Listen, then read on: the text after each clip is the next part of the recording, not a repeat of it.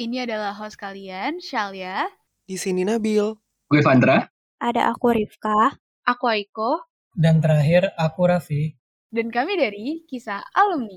Jika kalian masih baru di sini, Kisah Alumni adalah tempat bagi para alumni untuk berbagi kisah mengenai dunia perkuliahan dan setelahnya. Hanya untuk kamu.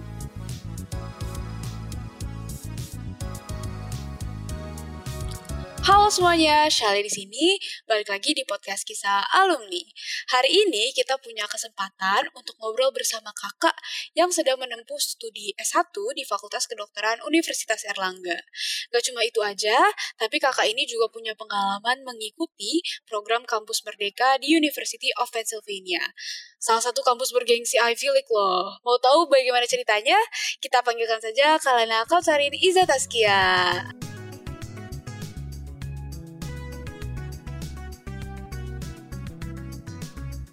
Halo Kak Lana.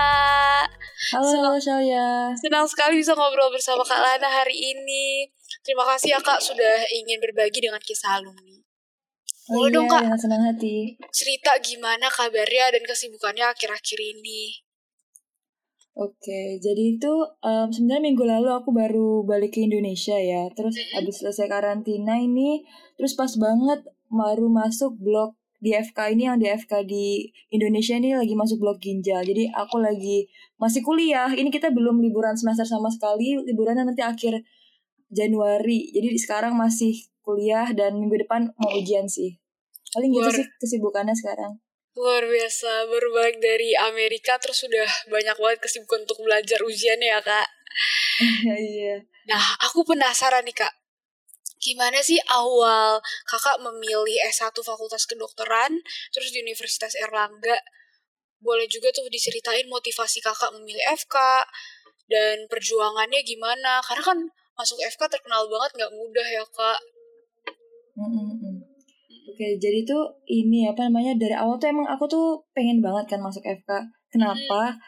Eh, motivasinya sih aku tuh suka banget belajar hal-hal yang bisa langsung diterapin ke kehidupan sehari-hari dan langsung banget gitu loh kerasa manfaatnya. Kayak misal nih, eh, misal aku habis belajar tentang penyakit apa kayak yang simpel-simpel aja. Misal temen apa misal kemarin tuh kayak eh, tahun lalu kita lagi blok res- respirasi kita belajar tentang covid kan di situ. Jadi kita tahu simptom-simptomnya segala macam ketika keluarga kita ada yang mengeluhkan hal yang sama bla bla bla kita bisa tahu nih apa aja yang harus bisa dilakuin tindakan apa aja pendekatannya seperti apa harusnya kayak gimana gitu-gitu. Aku sukanya itu sih dari FK kayak bisa langsung diterapin ke kehidupan sehari-hari dan bisa bermanfaat juga untuk banyak orang.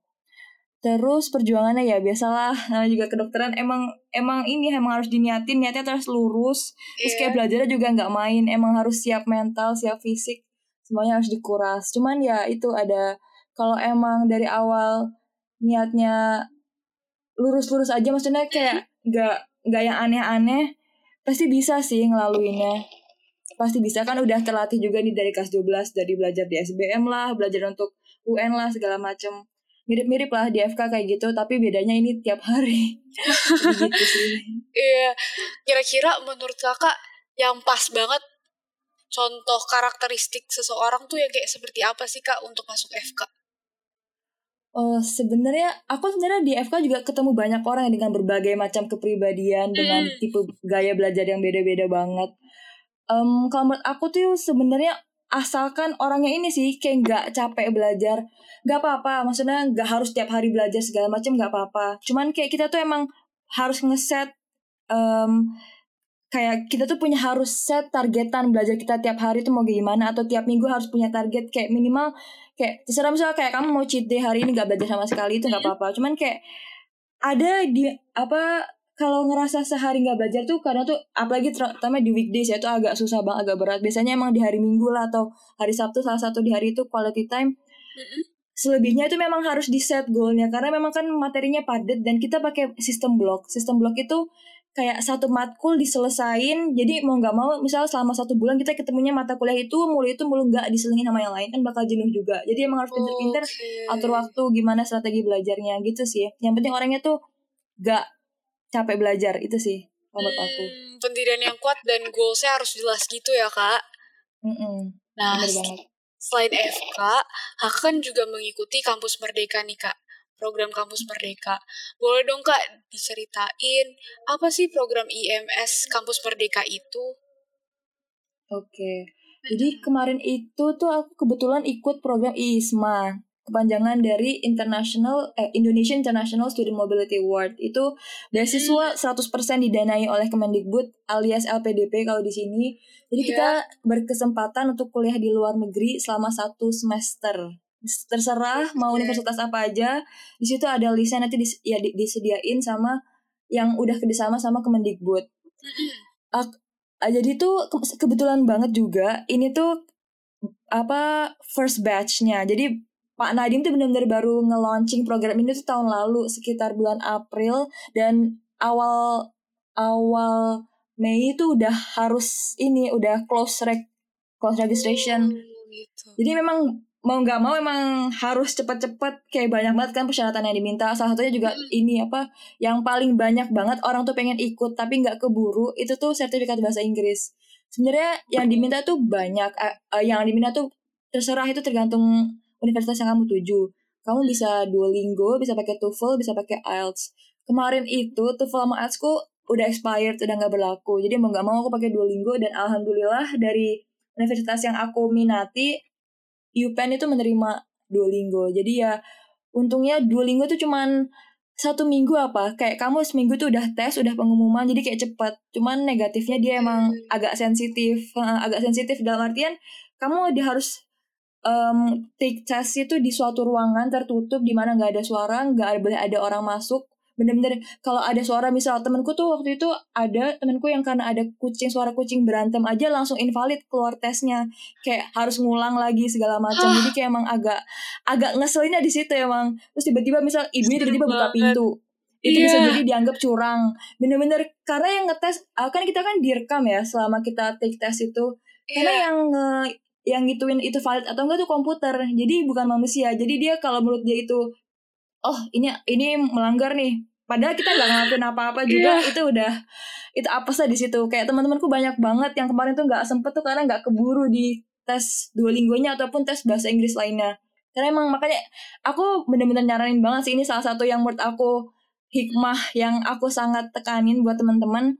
Kalau misalkan mau coba ISMA ini emang harus disiapin sertifikat bahasa Inggris dari jauh-jauh hari. Karena kan belum tentu sekali nyoba kita bisa langsung memenuhi persyaratannya. Jadi kamu selagi masih jauh kayak masih bisa dicicil dari sekarang sih. Itu terus ya awal mulanya itu sih. Terus kayak ya alhamdulillah sekali coba bisa keterima. Bener-bener gak nyangka banget aku nggak ngarepin apa-apa. Ka- karena persyaratan kemarin tuh ada SI juga. Terus um, Wah. GPA juga dilihat. GPA kita kayak ada persyaratan minimalnya. Dan lawannya kan seluruh Indonesia dari berbagai macam fakultas berbagai macam universitas ini bener-bener gak nyangka banget bisa keterima gitu sih singkatnya awal mulanya Oke. Nah, Kak, walaupun tadi udah banyak kakak sentuh nih, tapi aku pengen tahu lebih lanjut nih, gimana sih perjuangan kakak dalam mendapatkan kesempatan untuk mengikuti ISMA ya kak dipanggilnya ya, disebutnya tuh ISMA Iya. ya Bang? Oke, ISMA. ISMA kalau Ah, program yang aku ikut. Iya, ISMA tuh gimana sih kak? Em, jadi itu salah satu yang tadi aku ceritain yang tentang sertifikat bahasa Inggris. Terus Iya. kedua, karena ini serba mepet banget. Heeh. Jadi kayak misalkan kita harus punya GPA transkrip yang resmi dari fakultas. Itu Iya. prosedurnya lama kalau pakai prosedur lewat BEM dan segala macam. Jadi kemarin tuh beruntung banget, kayak aku disupport banget. Di UNIR sendiri aku benar-benar bersyukur banget. Aku kan di selama di UPenn sana kan kayak Iya. teman-teman kayak suka cerita-cerita bareng segala macam dari berbagai univ apa segalanya. UNER itu bener-bener all out banget dalam artian misal nih teman-teman yang ikut ISMA di semester ini itu tuh bener-bener dibebasin UKT-nya tapi kita tetap dihitung sebagai mahasiswa aktif. Itu salah satu keunggulannya. Karena aku dengar teman-temanku yang lain itu cuman tetap harus bayar UKT 50% atau bahkan gak dibebasin sama sekali. Kayak bener-bener parah-parah banget kayak aduh. Terus UNER bahkan kayak ini kayak sertifikat bahasa Inggris kita bisa di reimburse lah segala macam. Jadi aku ngerasa UNER tuh bener-bener kayak all out banget untuk ngedukung mahasiswanya. Dan jadi ada namanya faculty ambassador buat exchange ini tuh bener-bener dia yang memperlancar segala urusan. Kayak misal butuh GPA transkrip yang ditandatanganin oleh wadek lah atau apalah apa apa surat rekomendasi segala macam itu kan juga perlu kan. Jadi kayak melalui dia tuh aku merasa kita semua merasa sangat dimudahkan urusannya itu sih yang kayak bener-bener harus ini banget. Dan kemarin itu ini ya hati-hati banget. Kemarin tuh sempat ada kampus yang di blacklist. Oh di gitu. blacklist. Nah, jadi tuh pengumumannya tuh sempat mundur dua minggu. Karena ada salah satu kampus yang di blacklist. Karena Oh. mahasiswanya ini mahasiswanya dia ngirimin transkrip bas, um, sur- ser- sertifikat bahasa Inggris yang masih apa namanya itu kalau yang belum resminya tuh belum tes resminya em, yang masih uh, practice yang masih practice. Jadi bukan sertifikat asli tes TOEFL. Jadi baru practice tesnya Wah. itu. prediction itu full prediction. Dan itu benar-benar menghamba seluruh Indonesia. Jadi kayak kita was-was Wah. cemas ini emang emang pada nggak keterima apa gimana? Ini emang aku yang nggak keterima apa gimana? Eh ternyata ada kasus itu. Jadi kayak aku nyaranin kayak makanya harus disiapin dari jauh-jauh hari. Menurut aku yang paling penting emang bahasa Inggris dan GPA ya. GPA kan emang harus emang dari awal itu mau nggak mau harus disiapin. Kemarin itu minimal untuk daftar tuh minimal tiga. Cuman emang beberapa kampus bergengsi kayak misalkan mau NTU atau UPenn itu emang persyaratannya lebih tinggi daripada daripada umumnya. Dan ini esai. Jadi Nah, itu. diminta esai juga. Gimana tuh kak? Iya, um, esainya sebenarnya sederhana, kayak esai-esai pertanyaannya tuh yang apa pertanyaan umum yang bisa ditanyain untuk beasiswa exchange gitu ya. Misal kayak kontribusi kontribusi apa yang mau kamu berikan untuk Indonesia nanti saat kamu balik atau gimana cara kamu kontribusi selama di sana, kayak komunitas apa yang bakal kamu touch lah, apalah, pokoknya ya hal-hal kayak gitulah. Terus kayak what do you see yourself five years from now gitu-gitu.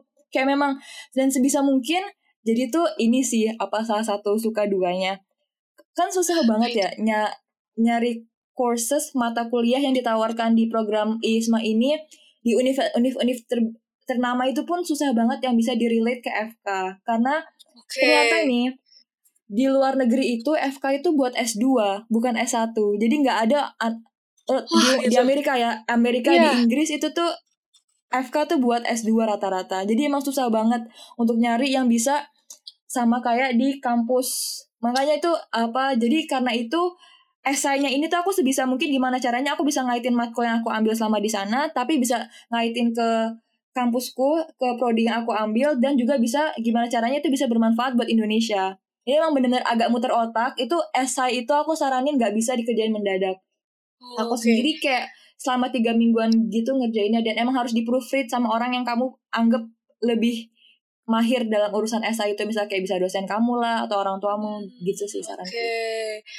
Nah, tadi karena masalah sistem belajar nih kak, bagaimana sih kayak Hmm. sistem belajarnya di era kampus merdeka, terutama untuk fakultas kedokteran? Karena tadi kakak cerita sebenarnya ternyata di eh, Amerika itu eh, yang yang kakak pelajari di Indonesia itu malah di S2. Nah, itu gimana tuh kak?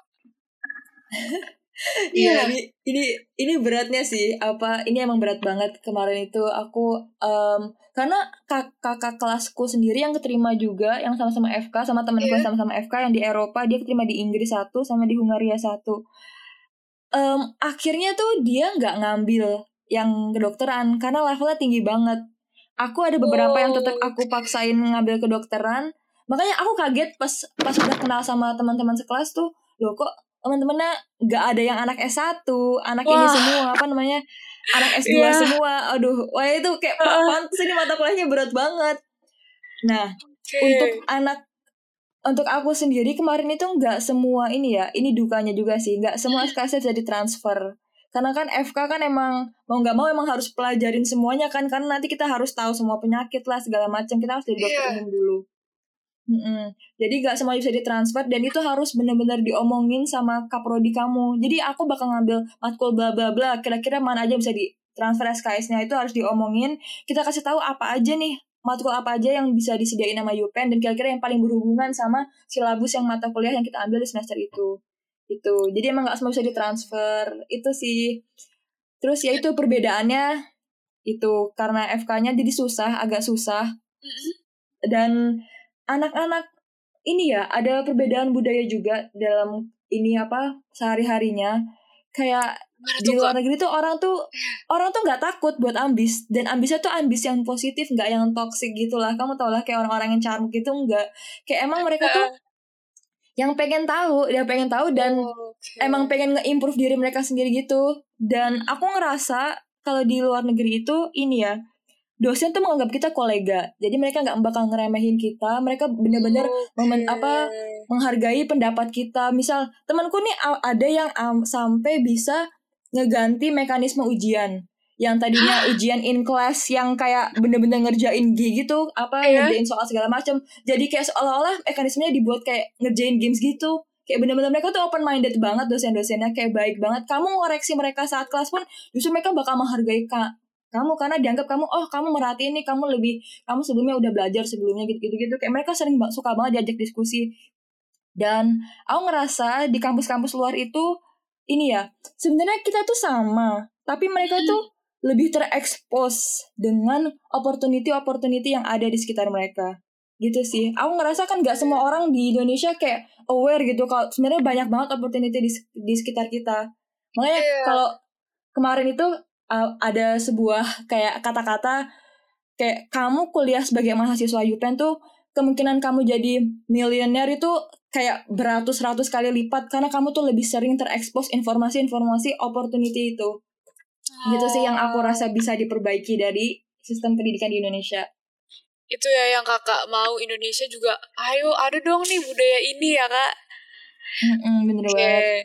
Nah boleh juga dong kak diceritain waktu itu kenapa sih milih IISMA-nya di University of University of Pennsylvania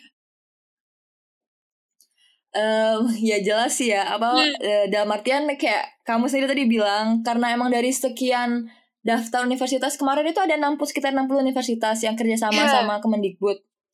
Em, sebenarnya ada nih yang di atas UPenn walaupun UPenn Ivy League tapi ada yang di atas UPenn yaitu NTU. Cuman karena aku kan backgroundku FK, aku ngerasa di NTU Iya. nggak bakal terlalu berkembang karena kan teknik mayoritasnya. Jadi ya oke ini juga nih karena nggak semua SKS bisa ditransfer di FK jadi mau nggak mau kemarin itu pas banget di blog kemarin itu semester kemarin itu aku ada blog di mana harus ada keterampilan me- medis jadi kayak aku belajar nyuntik aku belajar nyunat itu kan bener-bener hands on kan praktek yang bener-bener itu dan itu nggak bisa ditransfer jadi aku emang harus ngulang semesternya untuk ngambil mata kuliah itu oke. Aku ngerasa karena aku bakal mundur why not sekalian yang bagus? Kayak aku bakal dapat pengalaman experience di kampus Iya. yang enggak yang enggak sia-sia gitu loh. Maksudnya kayak bakal pay off lah sama mundurku. Kayak aku bakal terbuka dengan segala macam. Dan memang bener bener banget. Kayak aku nggak nyesel sih sama sekali nggak nyesel. Kalau waktu bisa diulang aku bakal milih hal yang sama. Iya. gitu sih. Berarti karena kakak pengen mencari pengalaman yang yang pastinya susah sekali didapetin apalagi di universitas terbaik ya kak Ivy League gitu kan nah boleh juga dong kak waktu itu diceritain gimana sih penyesuaian kak Lana saat melanjutkan studi di Amerika ada nggak sih kayak asum asumsi atau ekspektasi yang ternyata salah sesampainya di sana ternyata nggak gitu Hmm. loh gitu Hmm, banyak sih. Aduh, banyak banget ini adaptasi ya. Banyak Iya. banget. Kayak kita tuh cuma dikasih waktu satu semester doang. Kita harus adapta adaptasi secara akademis, adaptasi Iya. sosial budaya, adaptasi, aduh, adaptasi lingkungan segala macem bener-bener ah gila banget deh pokoknya. Dan ternyata aku Eh, nggak aku doang gitu lah aku lihat teman-teman tuh juga pada sama kayak iya kan emang berat banget berat tapi kayak karena kita sama-sama ngelaluinnya jadi enjoy enjoy aja di sana tuh baik-baik banget Em, salah satu adaptasinya yang aku rasa bener-bener beda banget ini sih kayak orang itu dapat teman deket tuh bukan dari kelas bukan dari ketemuan di kelas. Dan di sana itu kita tuh misal nih kita major in misal kita major in accounting ya accounting. Itu tuh kamu bisa ngambil minor yang bener-bener jauh beda banget. Kayak misal kamu bisa dapat kamu bisa ngituin minor di psychology. Jadi kamu ikut berbagai macam kelas kayak yang beda-beda banget gitu. Dan di situ kamu tuh dapat teman tuh bukan dari situ tapi kamu dapat teman dari kegiatan-kegiatan ini frat kamu tahu frat nggak? Fraternity. Belum pernah dengar. sorority. Ya oh jadi itu tuh oke. eh, kayak semacam itu tuh Greek life. Kalau di sini kita bilangnya kayak ngebem ya ngebem lah eh, himpunan.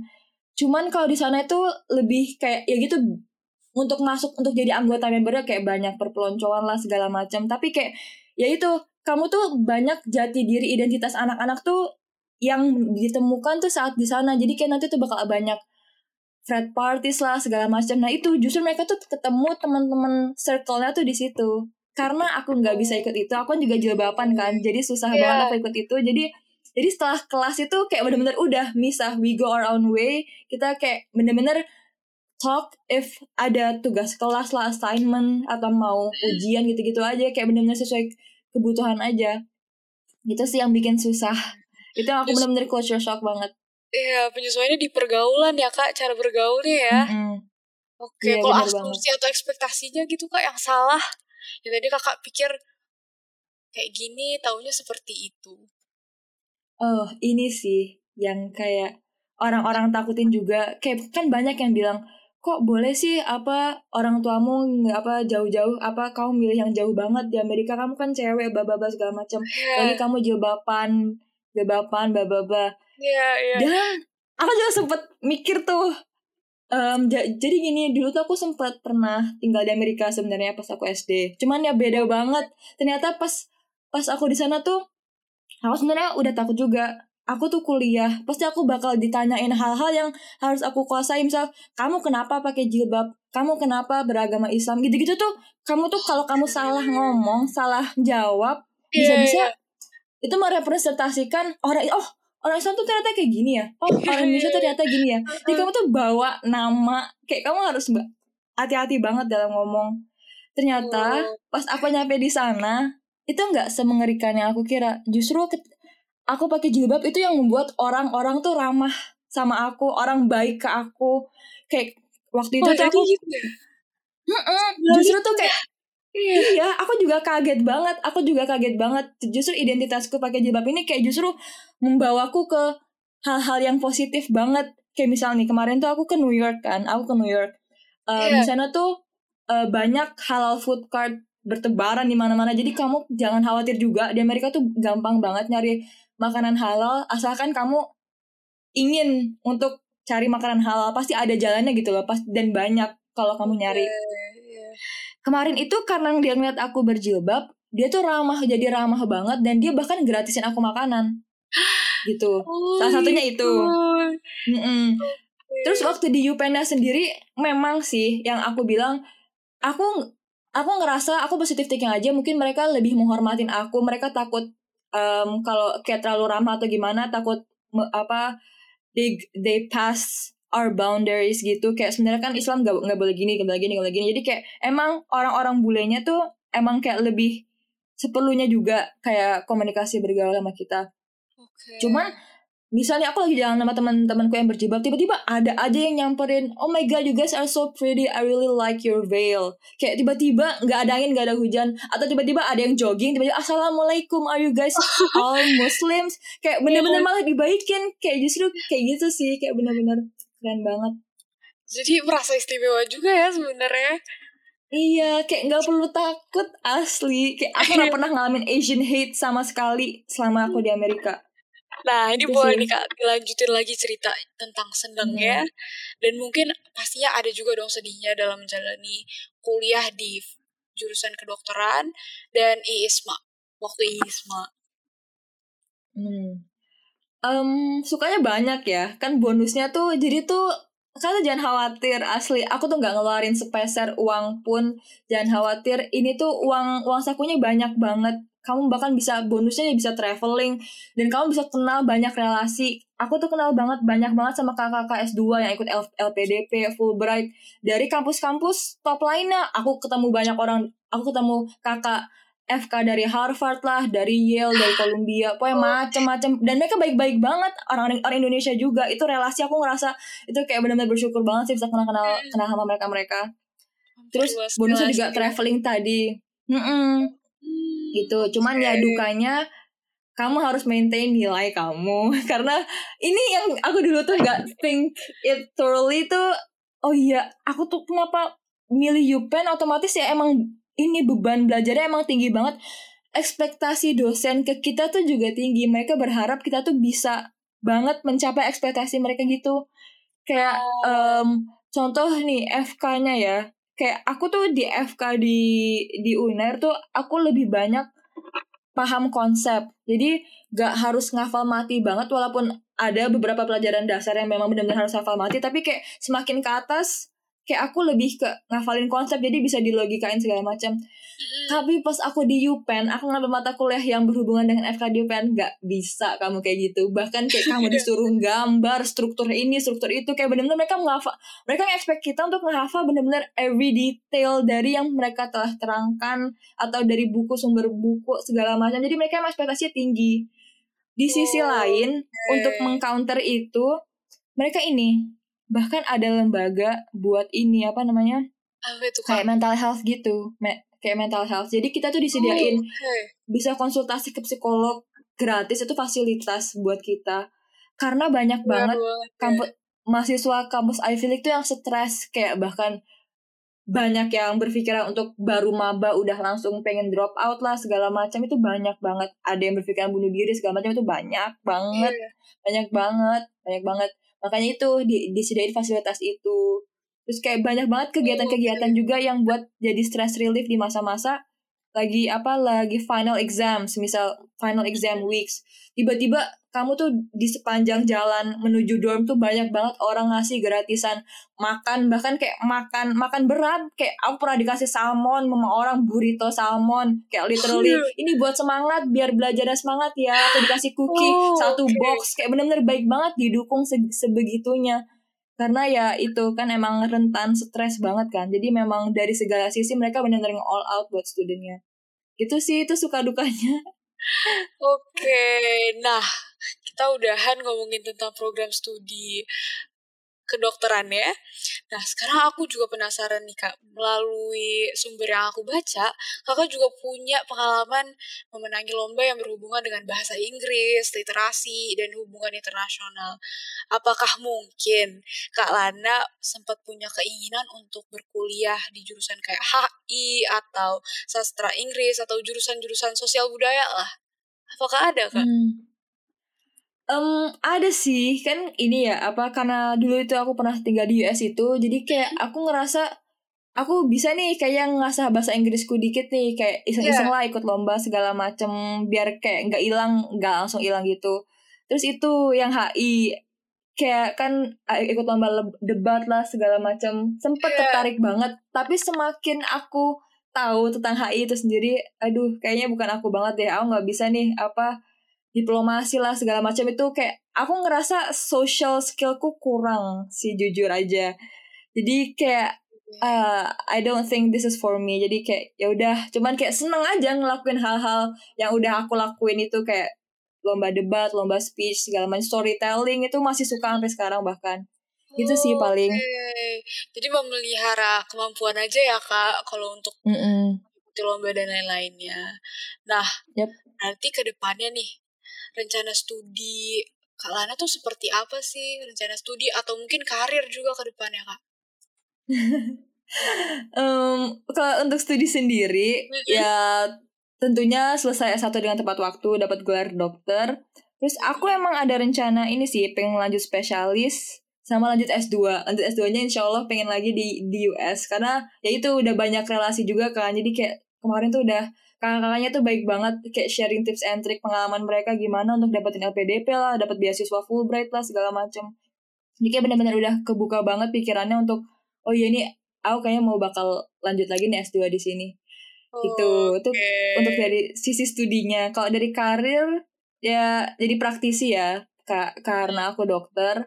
Terus memang ada kecenderungan ini sih karena tadi berhubungan dengan itu yang tadi pertanyaan sebelumnya, aku emang mau cenderung ada nyemplung di WHO karena aku rasa nggak apa-apa maksudnya jadi praktisi tuh mulia semua profesi itu mulia aku tahu Iya. pasti pasti ada peranan masing-masing cuman aku ngerasa ketika kita bisa di tingkatan gimana kita bisa membuat polisinya lah segala macem itu Iya. tuh kita manfaatnya tuh serentak kayak lebih luas kayak cepet Oh. manfaatnya dibanding Iya. praktisi satu satu satu. Aku ngerasa gitu sih. Dan aku mera- aku pengennya itu masih tetap berhubungan dengan latar belakangku sebagai dokter. Makanya pengen nyemplung nyoba nyemplung di hal itu. Cuman aku masih belum tahu spesifiknya seperti apa karena belum terlalu cari-cari banget. Ini masih stres kuliah jadi ya udah just take it easy aja. Let let it flow gitu sih Oke, wah gak kerasa nih kita udah hampir di ujung pembicaraan. Boleh kak sebelum kita tutup diceritain nih mungkin kesan dan pesan untuk teman-teman yang ingin mengambil studi di bidang kedokteran atau ingin melanjutkan studi dengan program IISMA uh, Kampus Merdeka itu.